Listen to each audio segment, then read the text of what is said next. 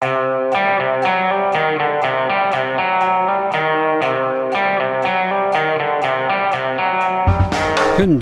000 russiske soldater på grensen til Ukraina. Nato sender krigsskip og jagerfly. Hvordan skal dette gå? Og alt kan reverseres, som Joko valentinerne nesten sang. Regjeringen fortsetter å bruke tid, krefter og ikke minst penger på å oppløse sammenslåtte fylker og annet som er, er smelta sammen under den forrige regjeringen. Dette er Gjever og gjengen. Det er tirsdag den 25. januar. Ja, for de av det gjelder i hvert fall alle oss i dette studio og på denne avdelingen som hører på Politisk kvarter hver morgen, så, så øh, diskuterte man da øh, regionsreformen der, og hør på hva stortingsrepresentant Per Olav Lundteigen øh, hadde å si om hvorfor Buskerud og Østfold ikke hører sammen.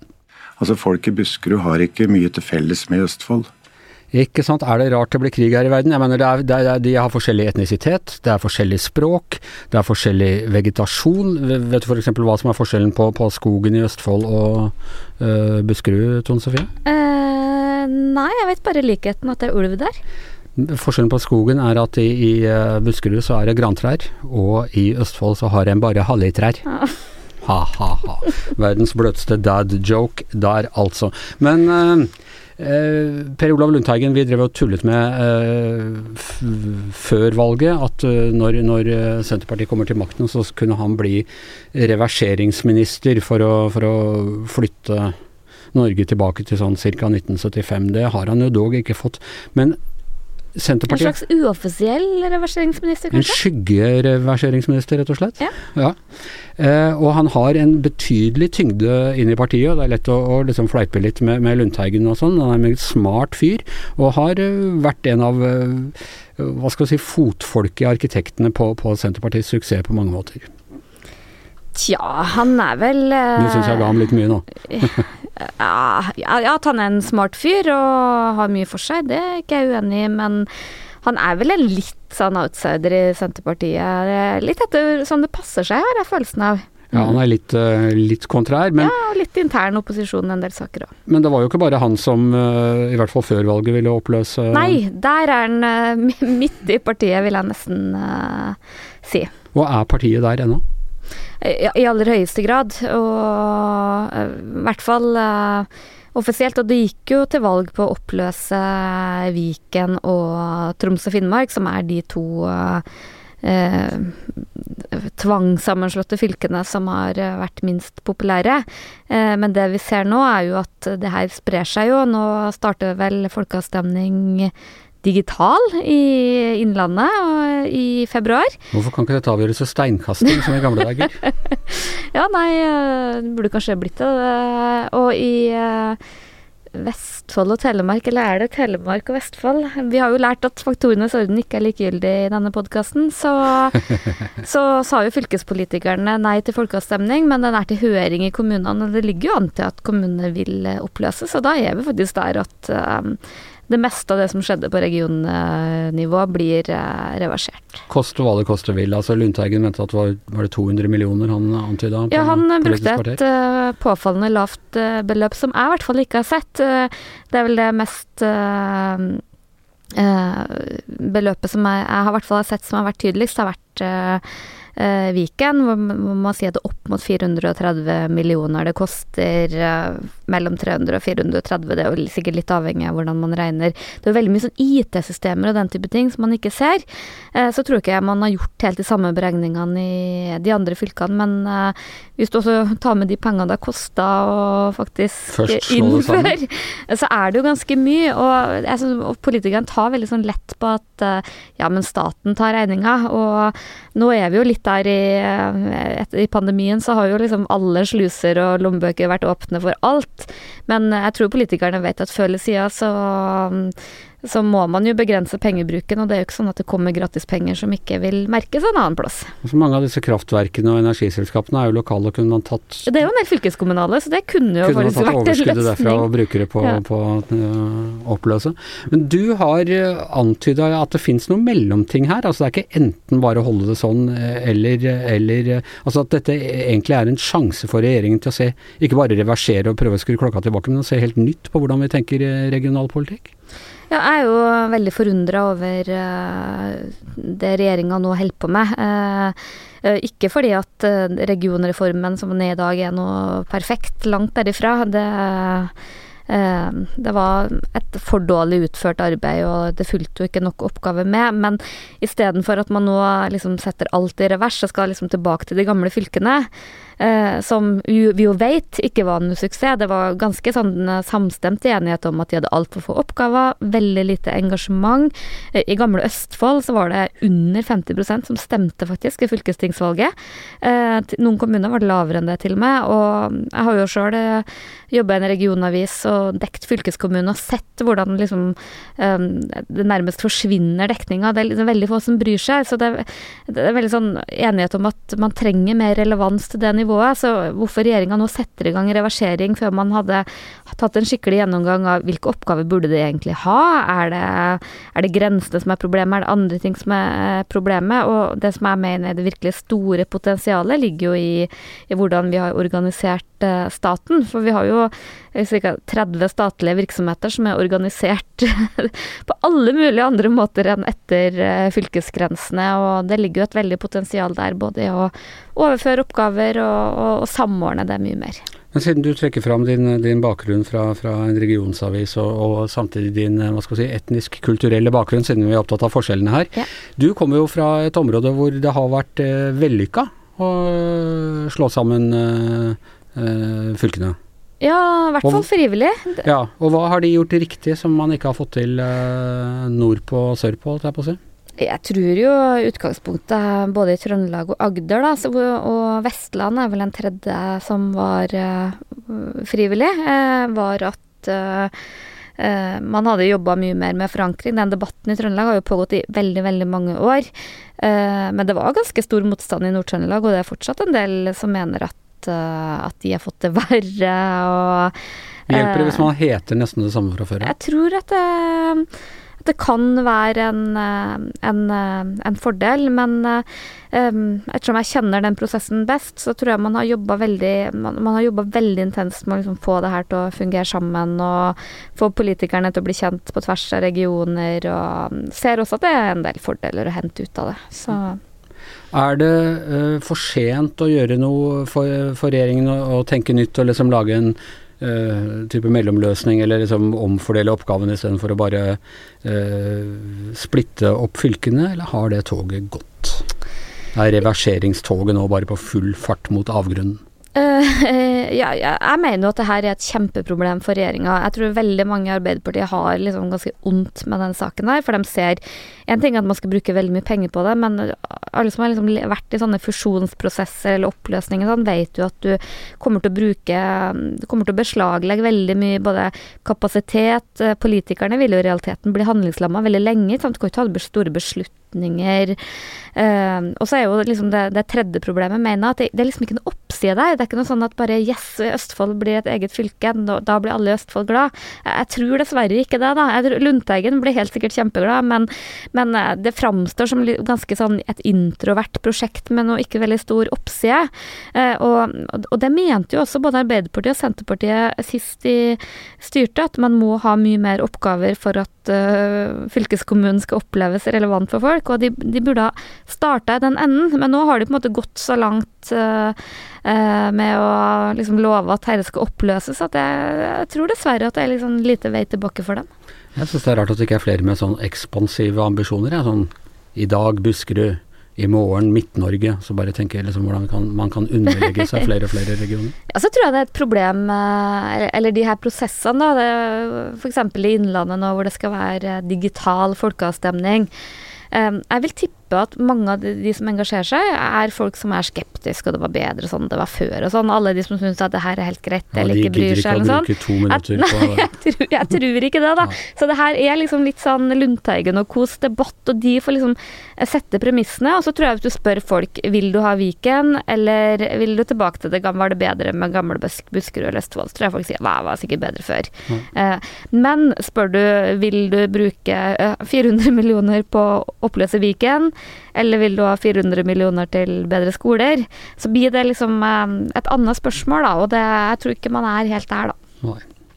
Ok, eh, nå holdt jeg på å dra en parallell som kanskje ikke er litt passende, eh, situasjonens alvor tatt i betraktning, men det, jo, det er jo snakk om en sam, tvangssammenslåing av, av noen gamle regioner eh, i Russland også for tiden, eh, Per Olav. 100 000 russiske soldater på, på grensen til Ukraina, og eh, Nato sender militært materiell.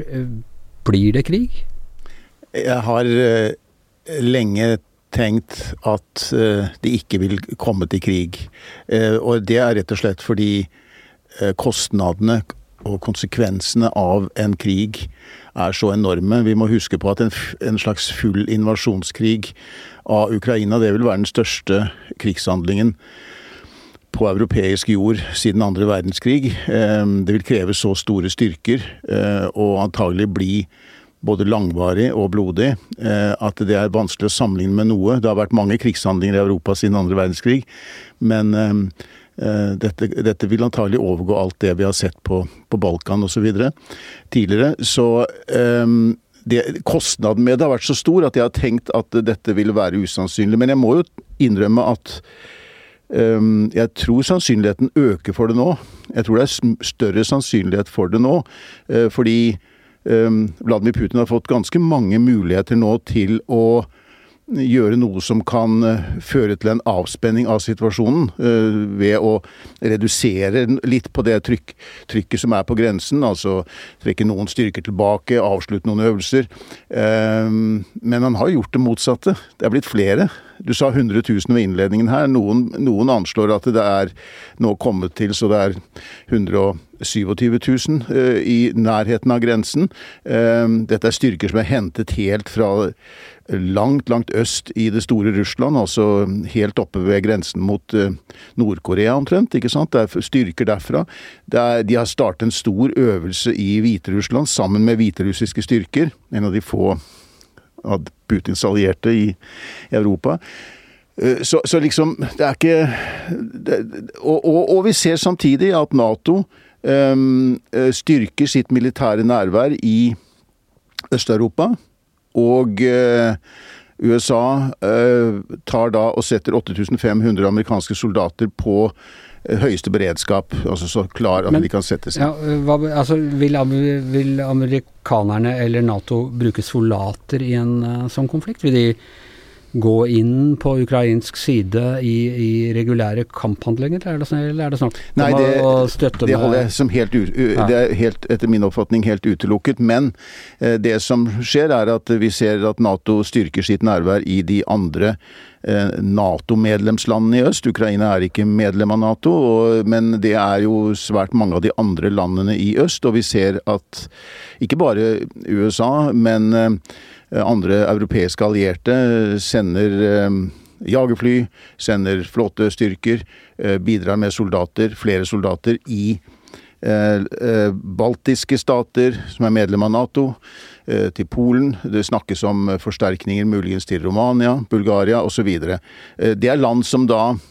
er i nærheten av Russland, og som eh, er særlig opptatt av det den militære presset som de opplever eh, eh, Russland da eh, har satt i gang mot, eh, mot Europa. Så er det mye snakk om at dette har Vesten måttet eh, vente seg etter at man eh, liksom eh, Natos ekspansjon innover i Øst-Europa. Man ser en særlig rørende forståelse for, eh, for putinismen blant folk her i Norge som ellers er ganske opptatt av sjølråderett for, for mindre nasjoner, men, men eh, som nå som mener at eh, dette er liksom en eh, realpolitikk Nato må forholde seg til. Det er Nato som er uh, aggressoren her, og, og Russland som bare av helt forståelige og historiske grunner viser til liksom, hvordan man ble angrepet uh, under annen verdenskrig og sånne ting, ønsker å trygge sine grenser.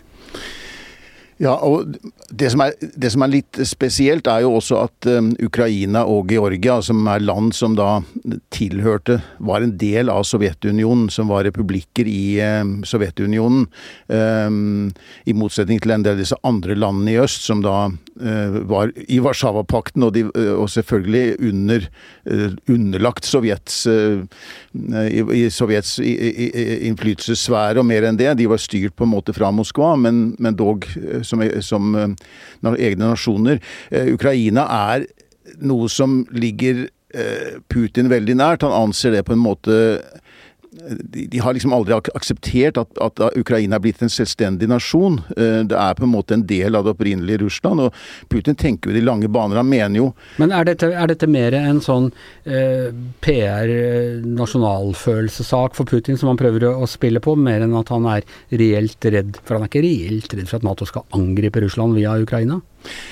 Nei, jeg tror ikke det. Men eh, det de har sett fra Moskva, er jo at eh, Ukraina har beveget seg mot vest. Altså at det er en eh, Det har jo variert litt etter at Ukraina ble igjen en selvstendig nasjon i 1990-1991. Så, så, har det jo vært både prorussiske og mer provestlige politiske ledere i det landet. Og, og valg har gitt ulike resultater, men det er klart at ikke minst etter 2014, når Russland annekterte Krim og, og støttet eh, opprøret i de østlige delene av Ukraina, så har eh, alt tyder på at det, det, øvrige Ukraina er blitt mer pro-vestlig, og at veldig mange, og spesielt unge i Ukraina, ser sin framtid i vest og i det demokratiske vest, framfor å se nærmere tilknytning til Moskva. Så, og det er, det er nok en uro og en frykt for at, at Ukraina er på helt vei fullstendig bort fra Eh, fra russisk innflytelse. Men det som skjer når, når, når, Russland øker presset, er jo det motsatte av det som på en måte har vært intensjonen. Du ser at Nato styrker seg i disse medlemsstatene i øst. Du ser at land som Finland, Sverige begynner å snakke om at kanskje, kanskje, vi også skal bli medlem en gang. Eller i hvert fall så vil vi holde den muligheten åpen for at vi også kan søke medlemskap. Vi skal ikke ha noen som sitter i Moskva og forteller hvem som skal være medlemmer av den alliansen eller ikke. Nei.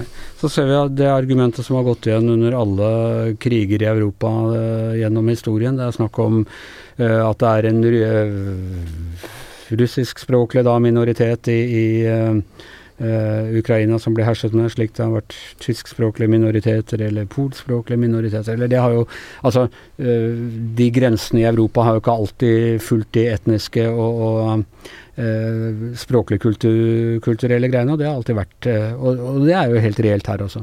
Absolutt, og det er klart det er Eh, det er vel kanskje 20 25 eh, av den ukrainske befolkningen som har russisk som sitt morsmål. og det er, det er veldig mange, betydelig. Ja, en betydelig del, og, og, det er mange i den østlige delen som da føler at de er langt ifra Kiev og nærmere Moskva på en måte, eh, sånn i hvert fall mentalt. Og, og det er klart det er eh, spenninger i det samfunnet også, eh, men de har eh, også, men, men, det som er litt påfallende akkurat nå, tenker jeg, Anders, er at Eh, både Moskva har jo, Putin og Moskva sier jo hele tiden at det, det, blir ikke noe krig. Vi har ikke tenkt å angripe. Vi har ikke noe plan for å angripe Ukraina. Ehm, samtidig som de da oppmarsjerer disse styrkene. Og, he og heller ikke Ukraina. Så, Ukraina tar det også litt ned. De sier det at vel, vi har levd med en slags en krig, en litt lavintensitetskrig, men noen ganger litt eh, topper, da, i Øst-Ukraina i lang tid. Eh, det er ikke noe grunn til noe å være hysterisk her. Eh, mens spesielt i USA, og også i Storbritannia og deler av Europa, så snakker man om at en krig kan starte når som helst. Så det er veldig ulikt hvordan man oppfatter dette. Jeg tror fortsatt det er diplomatisk diplomatiske utveier her. Det vil jo Det man venter på nå, er jo at USA og Nato da skal på en måte gi et svar da, på de kravene som Putin har stilt til de vestlige landene. Det er bl.a. en garanti om at man ikke shopper medlemsland i Det er det. det er det. Også at man på en måte skal trekke tilbake eh, militære styrker installasjoner fra disse landene i øst, og på en måte gjenopprette noe av det som var Dette er sånne krav som Nato aldri kommer til å gå med på. Men det er ting å snakke om som gjelder eh, rustningskontroll, som gjelder styrkeutplassering i Europa, som gjelder eh, mellomdistanseraketter. Altså vi husker kanskje at for i 2019 så, så, for, så gikk den eh, ble den eh, opphevet, den, eh, den, den um, avtalen som gjaldt mellomdistansevåpen i Europa. Uh, det er, det, og da falt en viktig del av rustningskontrollregimet i Europa. Sånne ting bør det være mulig å snakke om, og slike ting er egentlig felles interesse for begge sider. Så det er fortsatt mulig å unngå en åpen konflikt. For å si det som vi har snakket om det før, i hele min barndom og ungdom og helt til jeg var 30 år, så var det omtrent ikke snakk om annet. Så vi er liksom tilbake til den kalde krigen her nå. På mange måter er vi det. og det er noe av problemet her, når jeg sier at sjansen, kanskje sjansen øker for krig, er det at Putin har på sett og vis også malt seg litt inn i et hjørne ved å komme med så harde krav, da.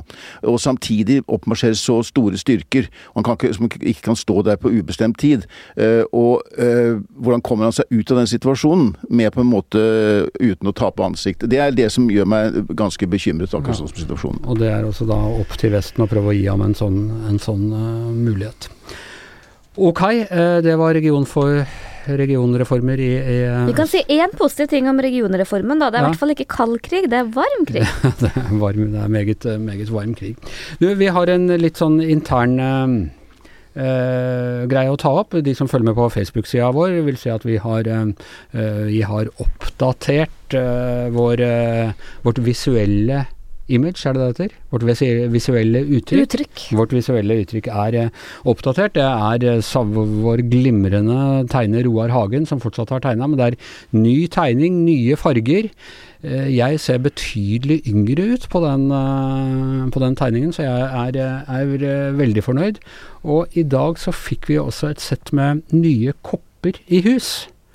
Uh, hva syns dere, sånn ser Fie? Du har akkurat fått en overrakt her rett før sendingen. Ja, den er fin, men det er sånn uh, Du holder liksom Du ser jo deg når du drikker veldig godt, da. Det er trikset. Den er for venstrehendte. Du, du må holde den i venstre hånd, så, så møter du verden med mitt blide åsyn. Ja, blid og blid. Jeg skal ikke si hva du ligner på. Eh, det har du sagt allerede. Så det, det ligner på det der hodet i nattsvermeren som de finner i det der lagerskuret. Jeg, på sprit. På sprit, ja. Det er det peneste noen har sagt til meg denne uka. Uh, per Olav, hva syns du om koppen?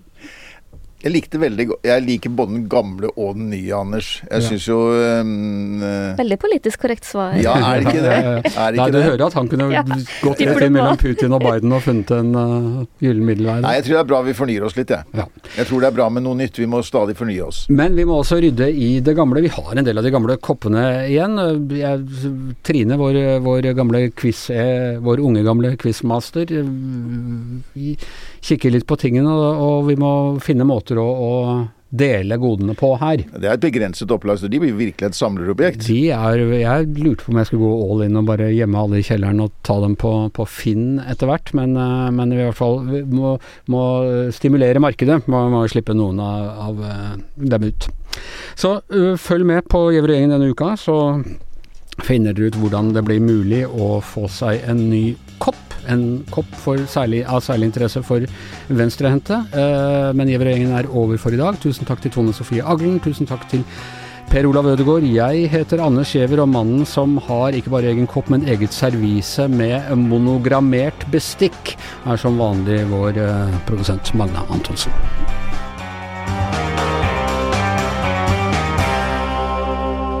Du har hørt en podkast fra VG. Ansvarlig redaktør Rikard Steiro.